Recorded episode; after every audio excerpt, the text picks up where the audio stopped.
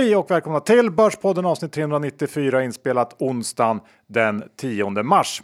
Vi är även denna vecka stolta över att få presentera Skilling som vår huvudsponsor, den svenskägda multi-asset tradingplattformen som ju satsat på användarvänlighet, eh, att det ska säkert, snabbt och enkelt. Eller hur John? Ja, varje vecka kommer det nya CFD man kan trada hos Skilling som gör dem ännu mer uppenbara att ha som din CFD-mäklare. Så är det. Och Skilling har nu under mars eh, sett till att fortsätta erbjuda noll i rollover fees för CFD-aktier.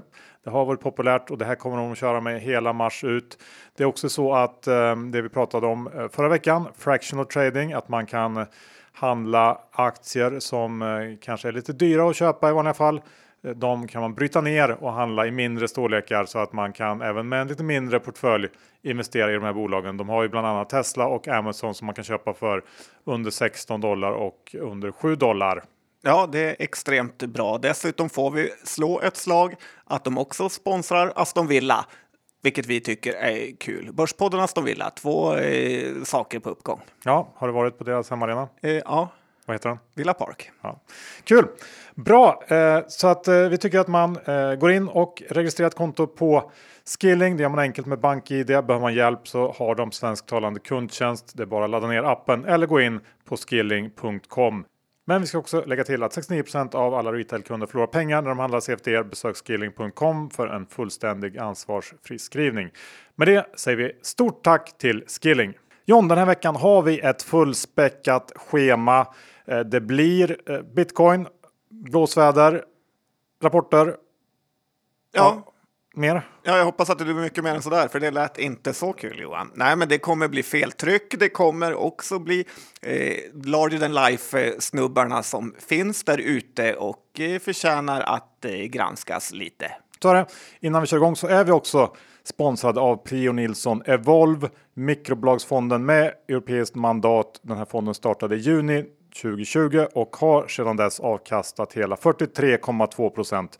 Och ett kännetecken för mikrobolag är att de ofta är underanalyserade. Det här gör att bolagen kan ha väldigt attraktiva värderingar.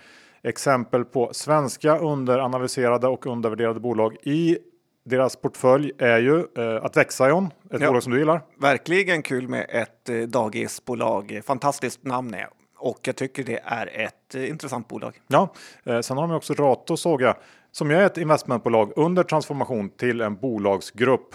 Eh, och eh, finns ju en viss uppsida där om de lyckas med den resan. Eh, tittar man på andra förvärvande konglomerat så har de mycket högre multiplar. Eh, så det är intressant att följa. Sen såg jag också att Beskab är ett innehav väldigt eh, spännande som också är väl lite under transformation från eh, bostadsbyggare till förvaltare. Ja, och en aktie som halkat efter sektorn. Men glöm inte att historisk avkastning inte är en garanti för framtida avkastning. Pengar som placeras i fonder kan både öka och minska värde. Det är inte säkert att få tillbaka hela det insatta kapitalet.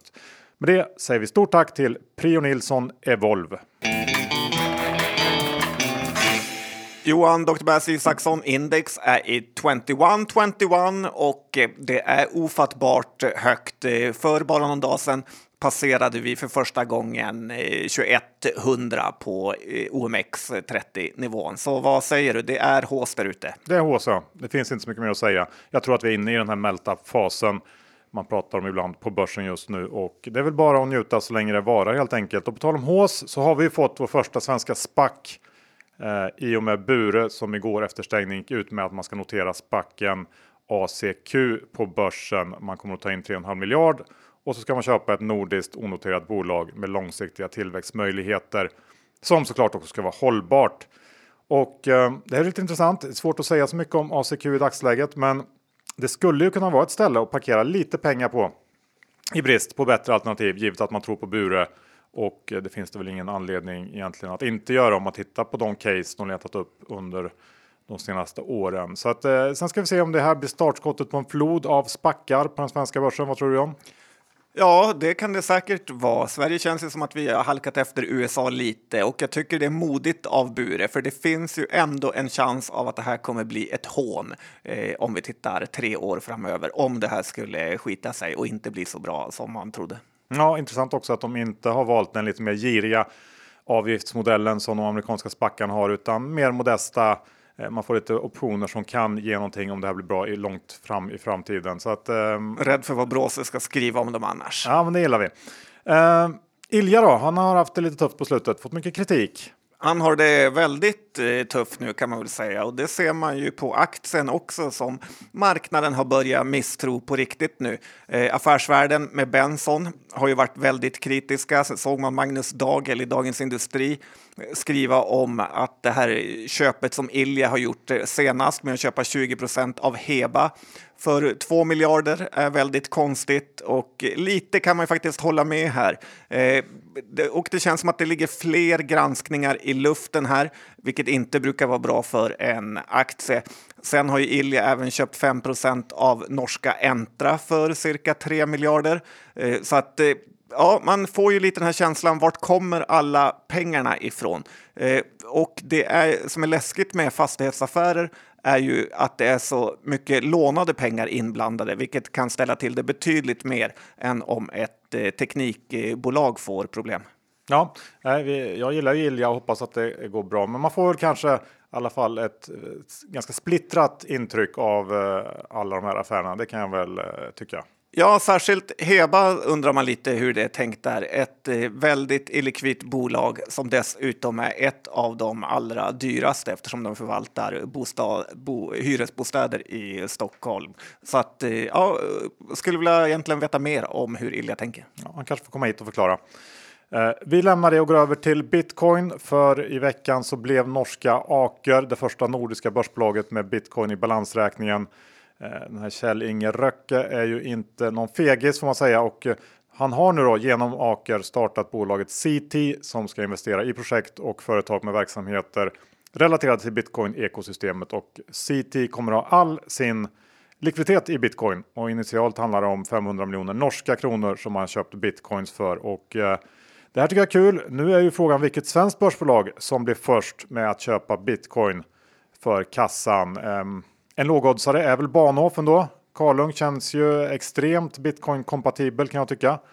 Har du något annat förslag? Mm, jag har ju lite Bahnhof-aktier så jag hoppas att han inte gör det. Eller eh, om han gör det så kanske det är rätt.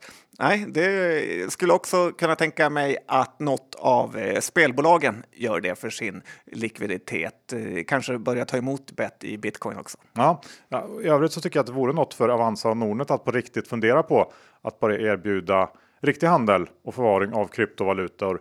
Eh, det här tror jag är en jättemöjlighet för nätmäklarna, men jag gissar ändå att de kommer eh, att de inte kommer ta den här. Och eh, på något sätt så, så upprepas väl historien, men i det här fallet så blir det Avanza och Nordnet som får spela storbankernas roll. vi får se. Ja, man vill gärna se eh, Tedén och Ingves få krupp när Avanza och Nordnet börjar förvara folks bitcoin och eh, har gett upp den svenska kronan. Ja, eh, feltryck går vi över till. Ja, och eh, ett av de större feltrycken jag faktiskt sett på börsen på ett tag här vad gäller småsparare var igår i den danska aktien AOJ.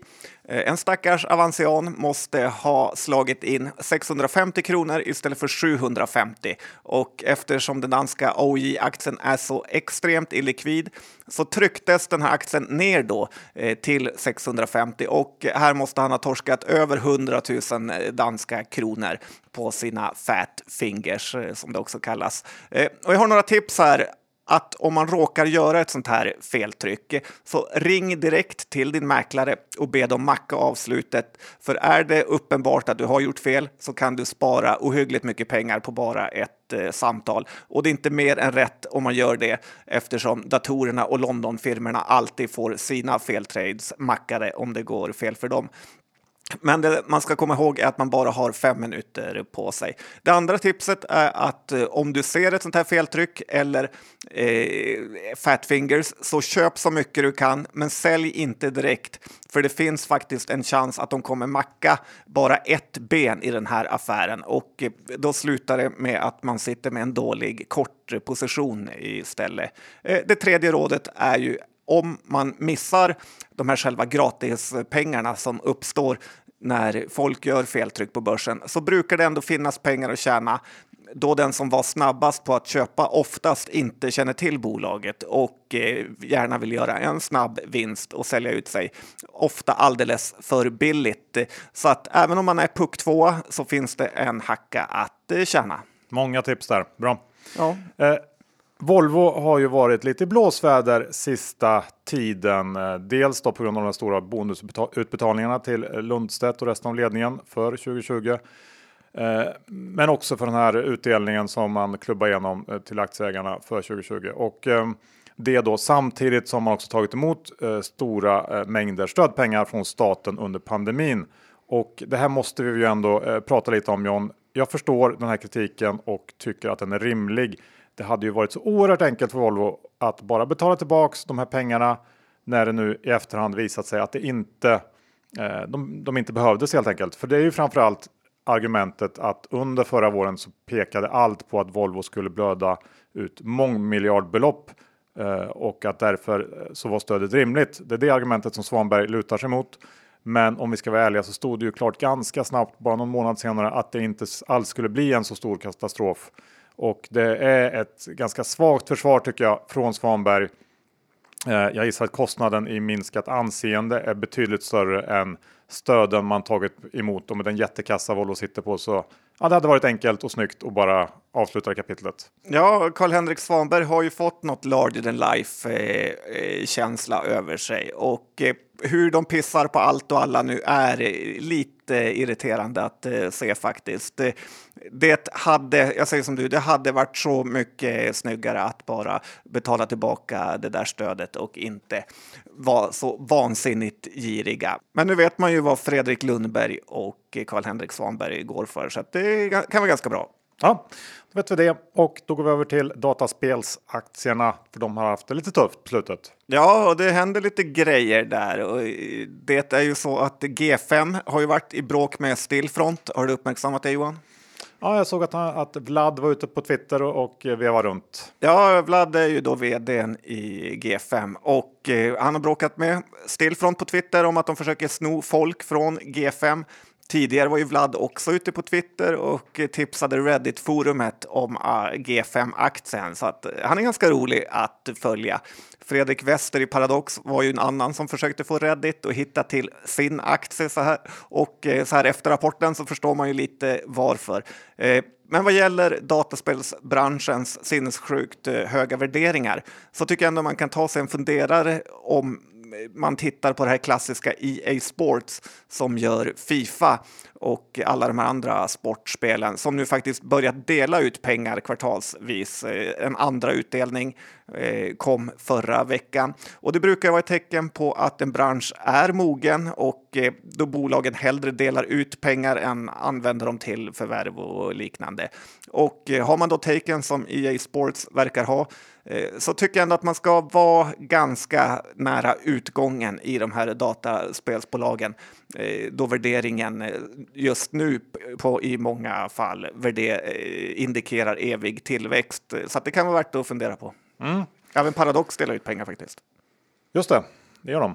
Eh, jag tänkte prata om något annat John. Eh, det här med inflation, det har ju ändå eh, blivit någonting som eh, ja, har kommit upp på agendan eh, sista veckorna och eh, jag tror så här att om man går tillbaks nu så tror jag att de flesta har minskat sina utgifter ganska rejält under pandemin jämfört med innan.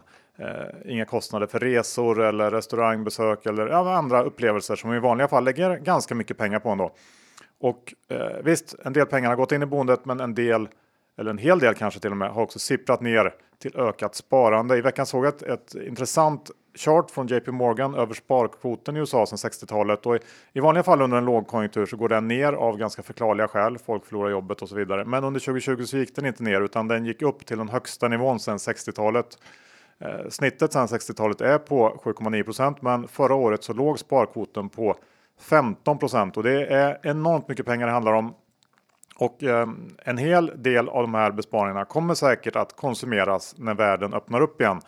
Eh, och just öppnandet verkar, i alla fall vad jag kan läsa mig till, eh, ändå gå lite snabbare än väntat. Eh, tittar man på Israel som ligger längst fram i världen med vaccineringen så kan man enligt Nordea se att när andelen av befolkningen som vaccinerats nått någonstans runt 35 till 37 procent ja, då eh, kan man börja lätta på restriktioner och öppna upp.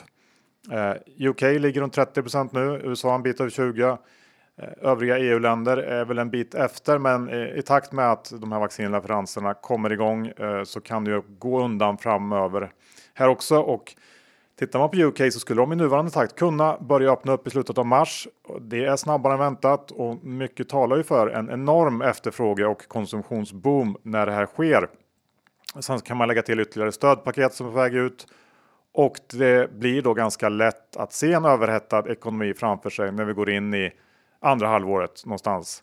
Eh, inflationen är redan på väg upp och vi har sett eh, eller fått se små prov på hur börsen hanterar det efter den senaste tidens stigande räntor. Eh, nu har det lugnat sig lite grann sista dagarna, men jag tror absolut att det här kommer bli ett återkommande tema under året och att rädslan för eh, inflationen faktiskt eh, kan sänka hela börsen eh, rejält. Och det är ju någonting tror jag som man ska ta sig en liten funderare på i relation till sin portfölj.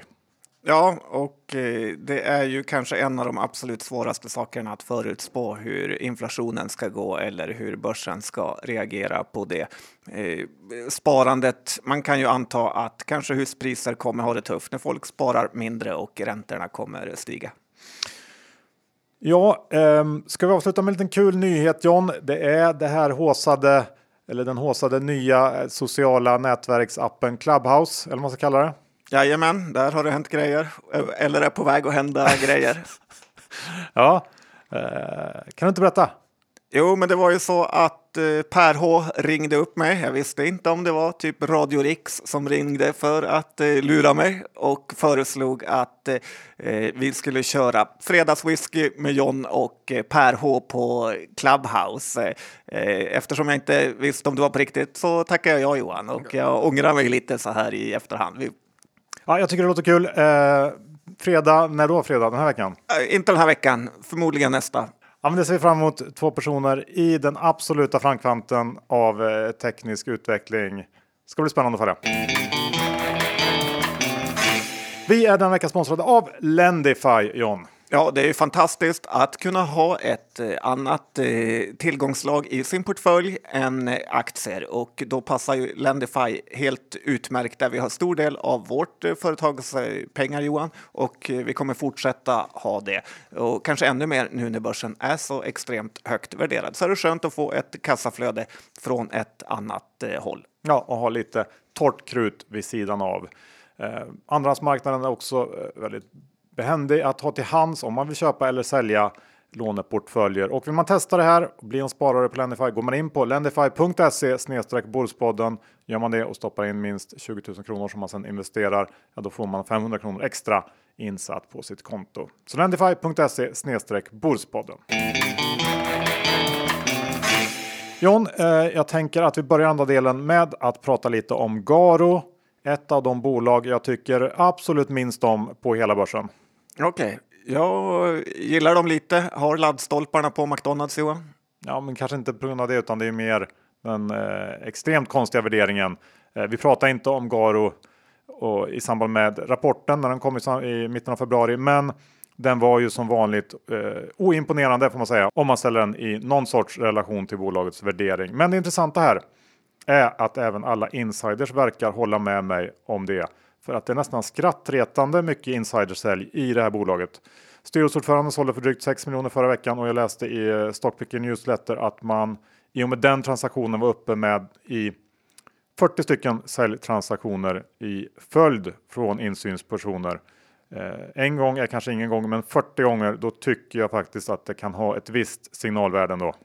Ja, det här är ju sinnessjukt övervärderat bolag som får väl mycket av de här ESG-pengarna flöda in i eh, sig. Så att eh, ledningen och ägarna eh, tackar och tar emot och kränger ut på eh, dumma pengar får man säga.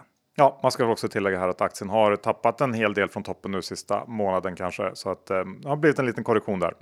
Men fortfarande dyrt. Ska vi gå över till bemanningsbolagen John? Det kan vi göra Johan. Du kommer väl ihåg Ringpolia, en av Sveriges kanske mest eh, klassiska reklamer? Mm.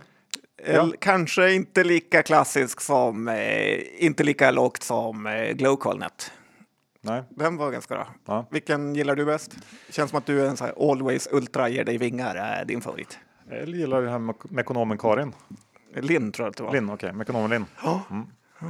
Ja, vi kan släppa det. Vi kan gå över till eh, prata mer om vad vill du säga om de här bemanningsbolagen? Nej, men nu vill jag bara prata om Linn Johan. Nej, men så här, det är ju så att arbetsmarknaden i Sverige är ju ganska het och eh, varit svajig med, med snabba ryck eh, för man trodde industrin, som vi nämnde här med Volvo, skulle gå i putten till att det nu blomstrar och eh, den här typen av arbetsmarknad kan nog gynna bemanningsbolagen.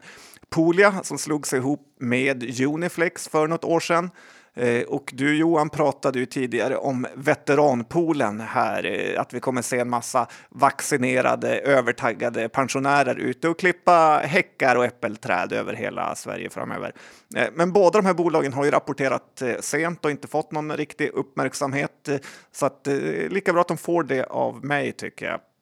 Eh, om vi börjar då med Polia så har ju de lyckats komma in på e-handeln och hyr ut personal då till de olika lagren där eh, saker ska packas och skickas. Och eh, det kanske är en liten säsongseffekt man kan se i Q4 eh, så här med julhandeln. Men generellt är det nog något som kommer bestå varje jul framöver. Så att, eh, det är väldigt bra för Polia slash Uniflex. Och man ser varje år rubriker med att Amazon och Fedex kommer anställa hundratusentals personer över julsäsongen. Så att eh, Polia har nog hittat en riktigt bra affär här. Eh, och sen ska man komma ihåg att första delen av året var riktigt usel för Polia. Men eh, nu verkar man vara väldigt optimistisk och delar ut eh, 60 öre per aktie. Eh, och i vd-ordet var det också eh, klang och jubelföreställning här. Så att, eh, eh, jag tycker också man ska komma ihåg att Polia också kan vara intressanta för ett eh, bud. Proffice blev utköpt av det holländska Randstad för eh, något år sedan med och eh, nu får man ju lite Polia och Uniflex till priset av ett så att det kan nog locka eh, någon av de här större drakarna. Eh, ska vi titta på veteranpoolen här nu? Ja, mitt eh, tips inför året. Hur har det gått? Ganska bra va? Eh, ofattbart bra och det sjuka nu får man väl säga ändå, småsjuka, inte jättesjukt kanske, men är ju att veteranpoolen har nu ett mycket högre bolagsvärde eller börsvärde än klassiska Polia. Eh, mycket tack vare Q4 då veteranpoolen gått. Typ och vaccinering kanske? Nej, inte tro, än tror jag. Veteranpoolen har ju gått 40 procent här sen de släppte Q4-rapporten, eh, vilket känns väldigt bra betalt, lite för bra betalt. Eh, och eh, man såg även att storägaren Grevelius har sålt lite aktier här sista tiden, så det är väl ett tecken på viss överhettning. Men de ska dela ut en väldig massa pengar. Man får nästan en 10% i direktavkastning här nu för att veteranpoolen likt många andra bolag delar ut pengarna de inte delade ut förra året också. Men en intressant grej som stod i Veteranpoolrapporten här eh, är då att eh, 10 000 pensionärer sökte sig förra året till bolaget och det ska tydligen motsvara 10 procent av alla som gick i pension under 2020. Så att eh, det här med att det, du sa att det kan bli en armé av pensionärer kan verkligen stämma. Dessutom är det ju lite fördelaktigare att anställa äldre med lägre arbetsgivaravgifter så att man kan då bli riktigt konkurrenskraftig här. Och dessutom så är det ju bra för landet ju fler som jobbar så att på så sätt gillar man ju verkligen veteranpoolen. Ja, och det finns ju säkert någon slags strukturell trend i det där också eh, i takt med att eh, vårt pensionssystem kollapsar och folk behöver dryga ut sina pensioner. Eh, ja, jag tror på det. Det lät ju lite... jag vet inte om det kollapsar Johan, men det är så att tittar man i alla fall. Typ. Ja, okay. Eh, 2019 då, om man tittar ändå på veteranpoolen, så tjänade man 1,50 per aktie och nu med en kurs kring 27 här så tycker jag ändå att det börjar, alltså 2019 som inte var coronadrabbat då, så börjar man eh, på en kurs kring 27 här kännas ganska så dyrt. Men det är ändå en aktie att eh, hålla koll på då tillväxtmöjligheterna känns eh, oändliga. Mm, absolut. Bra, då har vi gått igenom det. Um, jag tänkte kanske ta någon slags uh svep relaterat till det jag var inne på i inledningen med eh, pandemin och, och öppning och så vidare. Eh, för eh, även om många av de här vinnarna under förra året underliggande sitter på trender som är strukturella och som i viss mån bara kanske förstärktes av pandemin så gav det onekligen en boost. Den boosten är svår att kvantifiera och många av Många av de här vinnaraktierna är ändå extremt högt värderade får man säga och det kommer antagligen inte krävas så där jättemycket motgång i tillväxt och så vidare för att många ska börja tveka. Så att jag tror, lite som du var inne på i början här, att både dataspel och eh, gambling på nätet kommer att få uppleva temporära motgångar under det här året. Drivet av både ja, tuffa jämförelsetal och att man skruvar lite på vart man lägger sina pengar när man inte måste sitta hemma längre. Och eh, det här kan ju också eh, öppna upp för köplägen för den som är lite mer långsiktig och Sen så tror jag inte heller... Vad gäller gamblingbolagen så har ju de också kunnat utnyttja att det har varit extremt billigt att köpa reklam under långa perioder när ingen annan har gjort det. Så är det. Och man ser ju nu, jag läste i veckan om Macao som öppnar upp igen till exempel. En enorm eh, speldestination. Det är klart att det på något sätt påverkar, även om det kanske är mer temporärt. Och vilka har varit i Macao Johan? Du och jag. Mm. Spelar bort lite, lite, lite pengar. Eh, men det behöver vi inte prata mer om utan eh, jag tänker också på den här hemmafixartrenden. Att den skulle ha fått något slags permanent uppsving. Eh, jag köper inte det helt enkelt och kan tänka mig att spelare som Byggmax, Bygga, Bygghemma, FM Mattsson kanske, Danska Flygger kommer åka på stryk under året för att man dragit ut trenden lite för långt. Även om de här aktierna inte hör till de som är extremt högt värderade. Eh, men jag tror att andra produkter och tjänster kommer att locka mer och då eh, kommer den här typen av konsumtion få stå tillbaka. Eh, speciellt då efter ett år då man investerat ovanligt mycket i hemmet. Ehm, och som vi har varit inne på tidigare så kommer säkert men, resor, restauranger, upplevelseindustri och så vidare vara sektorer som, som får ta tillbaks eh, lite av konsumtionskakan. Jag skulle säga att det är 100% säkert att det kommer gå mer pengar till resor än det har gjort under förra året. Så att det kan man ju vara helt eh, säker på. Ja, och det är ju ganska mycket pengar man lägger på resor ett normalt år. Um, och sen um, så tror jag också att uh, i viss mån uh, så kommer nog kanske fysiska butiker uh, få någon slags kortsiktigt uppsving versus online. långsiktigt är det såklart så att eh, som Robert Aldin var inne på i förra veckans avsnitt att tror att e-handeln kommer växa eller minska under om, om tio år. Ja, det är klart den ökar, men under just 2021 så kan det nog komma perioder där online tillfälligt i alla fall får stå tillbaks och sånt kan ju skapa turbulens på aktiemarknaden. Och den slutsats jag drar av det här egentligen är väl att det kan nog vara bra att ha lite torrt krut eh, under det här året för att jag gissar att det kommer att skapas eh, ganska rejäla lägen. Ja, jag håller helt med och eh, det kan också vara så att vissa av de här eh, sektorerna du pratade om, typ retail, kan ju vara, eh, är ju väldigt lågt värderade och där kan det verkligen överraska på uppsidan. För likt Robert Aldin pratar mer eller mindre så kommer det ju vara mer folk på stan eh, 2021 än det var 2020. Så det är ett bra take. Ja. Eh, och sen en sista reflektion bara och det handlar om alla de här kostnadsbesparingarna som bolagen lyckades genomföra förra året. Många pratar om att man nog kan räkna med att en hel del av de här besparingarna är permanenta. Kanske, men en inte obetydlig del av de här har med affärsresande att göra och eh, den företeelsen har man ju i ganska hög utsträckning räknat ut i framtiden. Eh, för man kan ju ta de flesta möten via Zoom och så vidare. Men vad händer när din konkurrent flyger ut för att träffa en av dina viktigaste kunder, bjuder på middag, lite drinkar och så vidare. Det låter som att du skulle vara ganska lätt att övertala. Om. Nej, men när, när det väl börjar ske, jag kan nästan lova att alla andra snabbt följer efter. För det finns fortfarande något i mötet mellan människor som tekniken i alla fall inte än kan överbrygga. Och det är väl bara ett exempel.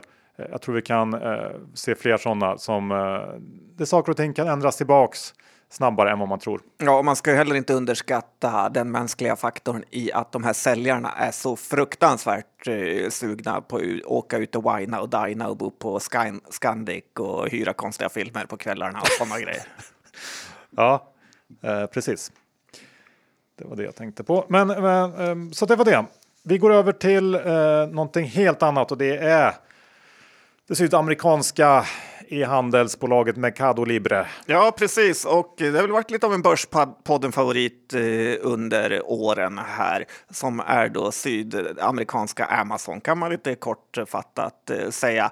Eh, men det som är kul med den här aktien är ju att den är argentinsk och har ju fått smaka något helt otroligt på börsen senaste tiden. Den har gått från nästan 2000 dollares till 1400 och Eh, ja, dels då för att Argentina är ju härvornas land eh, som har kollapsat i deras ekonomi, men också såklart den här teknikbubblan som har minispruckit i USA i alla fall eh, tillfälligt. Så har man en slant över och är lite riskbenägen så tror jag ändå att köpa Mercado Libre på eh, 1400 dollar kan vara en liten kul swing trade. Ja, absolut. Dålig koll, men det känns ju som, som uh Bättre Lång... att köpa billigare än dyrt. Ja. Kommer Mercado Libre sälja mer eller mindre om tio år? John? jag tror de kommer sälja mer. Ja. Men jag har faktiskt ingen aning om tio år. Nej. Uh, Nederman då? Det är ja. lite svårare att veta. Nej, Aha. Det borde vara lika lätt.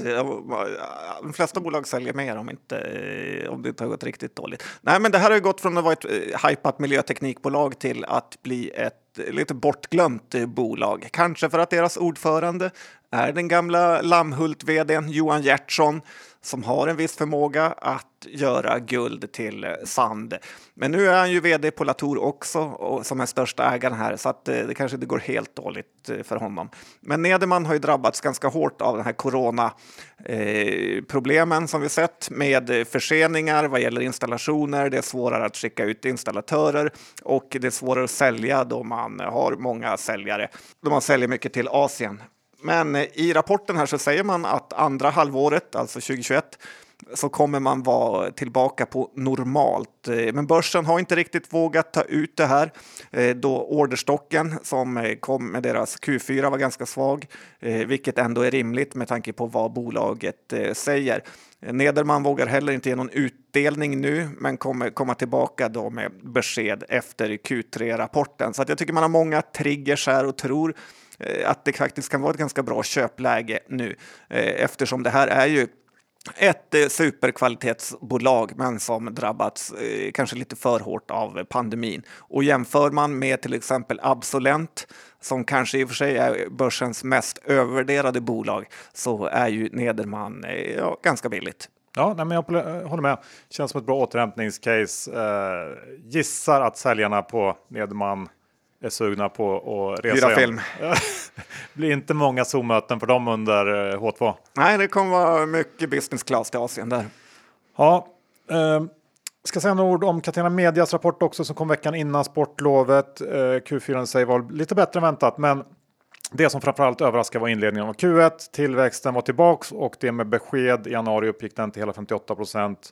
Det var en rejäl överraskning efter den svaga starten på Q4 och problemen i Tyskland. Ehm, ledningen säger också att de förväntar sig en tillväxt som ligger väl över tvåsiffrigt för helåret och det var långt bättre än förväntningarna. Det är utvecklingen i USA som driver på den här tillväxten.